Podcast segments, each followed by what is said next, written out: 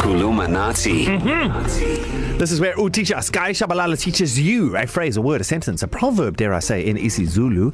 And the nice thing about this is you get to give it a bash today. So if you think you can nail it, second language, please. Don't be coming flexing first language here. Second language, please. then uh, then send us a voice note. Tell us who you are first, you know, and send us a voice note uh, uh, giving it a bash. And the voice note number is 061 792 9495. Okay, are you guys Good ready? Yeah. morning, Tisha. Tisha Good morning. Uh-huh. Salam Shengu. Bafundi. So it is Heritage Month. So the theme this entire month will be pr- proudly South African. Yes. Okay. For the entire of September. the Sure, hey, entirety you of really September. dug deep for that. Yeah, yeah. I mean, like, you know, Okay. okay. thinking about October but anyway. Halloween. okay, so today, nice and like, and this is probably one of the most South African things ever. The sentence is, "Do you want to come for a braai at my house?" Where? House. my, my house. My house. My house. My house. Do you It's want, my house. Yeah. Do you want to come for a braai at my house? Utisha, question, please. For it. Can we just make it bride my place? My place, my house. Same WhatsApp group. Okay. I'll, I'll, I'll deal with that technicality at the end, depending okay. how you, okay. you nail okay. the Zulu. Do so for you now, want to, to come, come and bry at my house come in, for it. in isiZulu? Mm-hmm. Okay. Go. you ready for yep, this? Yep. Uyafuna sizoshisa inyama kwami. Mm-hmm. Easy. So I knew Uyafuna- Shishinyama would be in there. Yes. Yes.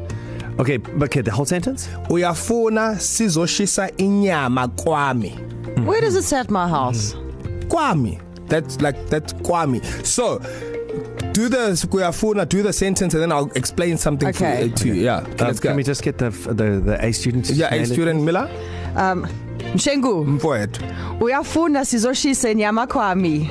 Explain. Beautiful. Explain the Kwame. No, no, you carry on. I, I, I just want to say to everyone Darren, out there. come on. No, I, I, I, I want you also second language, just like me, not like Kerry. I'm second language. Okay, mm-hmm. you you phone through, you give us your name, Boy. and then you try it out. Okay. So it'll sound like this. Peter, ugama lakho Darren Maule. Uyafuna sizoshisa nyama kwami? He recorded it. Ow. That's a cheat, You Kodwa. can't do that. Also, you said your name is Darren Moore. Ikamalami, Darren Moore. Ikamalami, not Uh-huh. ugamalako. So just quickly on, Ikamalami. on the Guami thing. So Guami is usually um, at your house, Darren Moore. So I can't say come Guami because I stayed home. Okay. And it's- so if I'm married or I'm staying at a flat, then it's Kwami. It's my Coming place. from what? If, where's the quack come from? No, let's leave the Kwa. Kwa doesn't make a difference here. So Mm. Kwami would be if you're either married or you have your own place. Really? Yes. But then if I had to say um we are funuguza Kwami, that's so Darren, like you would say Kwami, you would say Kwami, I wouldn't say Kwami. 'Cause you had So to- I would say we are funu You're the only one who doesn't pay rent here. Exactly. Okay, there we go. That's so I would say we are funa sizoshisa inyama ekhaya. Ekaya.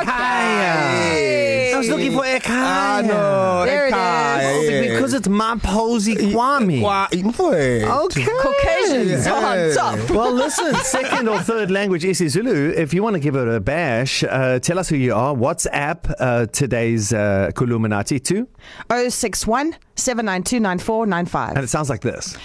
Uyafuna sizoshisa inyama kwami. Thank you, Tisha.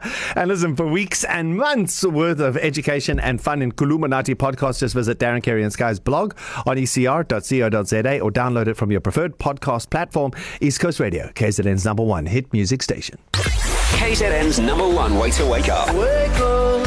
Wake up. Darren, Carrie, and Sky. East Coast Radio.